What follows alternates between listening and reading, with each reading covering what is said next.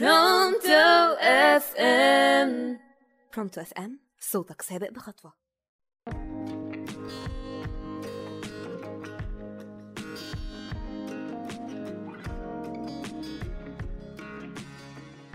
يا مساء الفل والسعادة على كل اللي بيسمعوني على راديو Pronto FM مع دكتور نرمين رمضان في برنامج vac شنها وطبعا أجازة معاكم معناها الطبيعي هو تغيير جو وتفصل من ضغوطات الشغل والامتحانات وغيرها. بس معايا النهاردة هخليكوا تقضوا الأجازة في الصحراء وتتفرجوا على الحاجات الغريبة واللي اكتشفوها هناك وكانت غير متوقعة خالص. وهبدأ معاكم مع آثار رجلين الأشباح الغامضة في صحراء يوتا الأمريكية. والغريب في إن آثار الرجلين دي مش بتظهر غير في حالتين بس. الأولى بعد المطر على طول والتانية لما بتبقى الأرض مليانة بقطرات الندى ولونها بيكون غامق وواضحة. وده عشان بتختفي الآثار دي بمجرد ما تظهر الشمس.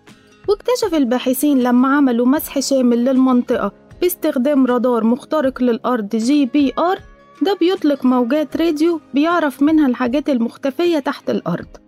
واكتشفوا في صحراء يوتا 88 أثر لأشخاص منهم ناس كبيرة وأطفال سنهم حوالي خمس سنين.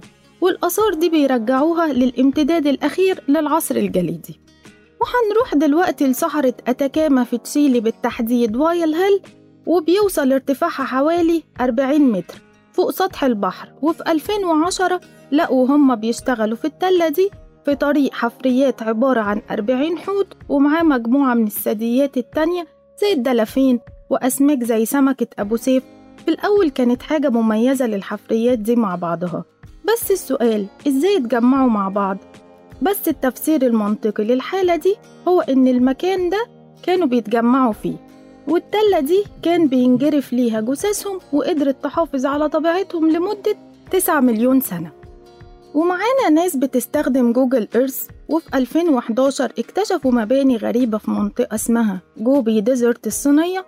اتعرفت المنطقة إن هي كانت مكان للمعدات العسكرية والنووية وكانت تجهيزات لبرامج فضاء. واعتقد المستكشفين إن الحاجات دي كان ليها علاقة بأهداف عسكرية وممكن الحكومة الصينية استخدمتها عشان توجه أقمار تجسس خاصة بيها.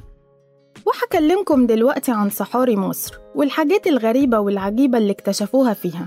وأول حاجة معانا مقبرة الملك توت عنخ آمون. لقوا فيها ست مراكب والسبب في كده إن الممارسات المعروفة عند المصريين القدماء إن هم بيحطوا مراكب في المقابر بتاعتهم. وطبقة الفلاحين كانت بتحط مراكب برضه بس رخيصة التمن. وفي 2016 اكتشفوا في مقبرة أبو سعير مركبة عمرها 4500 سنة وحجمها 60 قدم وهي أقل بست قدم من حجم السفينة الحربية الموجودة دلوقتي ومصنوعة من خشب عالي الجودة وكانت زي ما هي سليمة. بس الغريب إن المقبرة دي ما كانتش لحد صاحب مكانة عالية بالعكس كانت لشخص من عامة الشعب. ومعانا اكتشاف تاني في سقارة أنوبيس مقبرة جماعية مليانة بتمانية مليون حيوان متحنط. وأغلب الحيوانات دي كانت كلاب. والسبب إن قتل الكلاب وتحنيطها كان فعل ديني. وده لارتباطها الوثيق بإله الموت عند المصريين أنوبيس. وده عشان تجيب الحظ الحلو للمتوفي والكلاب كان معظمها حجمها صغير وتربوا للغرض ده. وهكلمكم دلوقتي عن اكتشاف مذهل نشرته مجلة جيولوجي العلمية وده عن وجود أسماك قدرت تتحمل درجة حرارة الغليان واكتشف الباحثين حفريات سمكية عمرها 56 مليون سنة. وبتبين الأسماك دي كانت قادرة تعيش في البحار في درجة توصل ل 95 درجة فهرنهايت.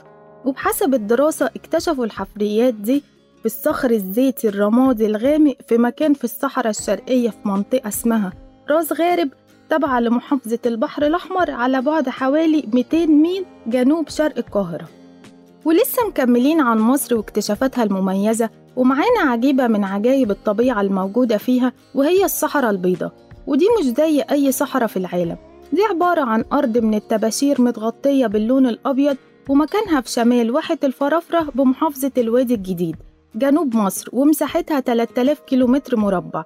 وفي 2002 بقت محمية طبيعية وتميزت الصحراء البيضاء بصخور وأشكال طباشيرية اتشكلت عن طريق عواصف رملية من ملايين السنين.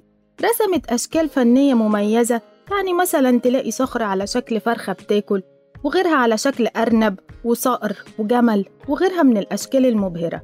وزي ما في صحراء بيضة في صحراء سودة كمان في مصر. في نفس المكان. وهي قريبة من الواحات البحرية أكتر من واحة الفرافرة. والسبب في كده إن جبالها وهضابها متغطية بمسحوق لونه أسود بسبب بقايا انفجارات بركانية نشفت من ملايين السنين وبتتميز بمنظرها الساحر وبالذات في جو الضباب. وفي 2010 تم إعلان منطقة الصحراء السوداء والواحات البحرية محميات طبيعية وده بسبب غناها وتنوعها البيولوجي كمنطقة أبحاث علمية عالمية. وبكده تكون خلصت حلقتنا النهاردة. يا رب تكون عجبتكم. عرفوني حبيتوا الصحراء وغرايبها وهل في يوم ممكن تعمل مغامرة فيها ولا لأ. كنت معاكم دكتور نرمين رمضان في برنامج فاكشنها على راديو برونتو إف إم. استنوني في حلقة جديدة. سلام.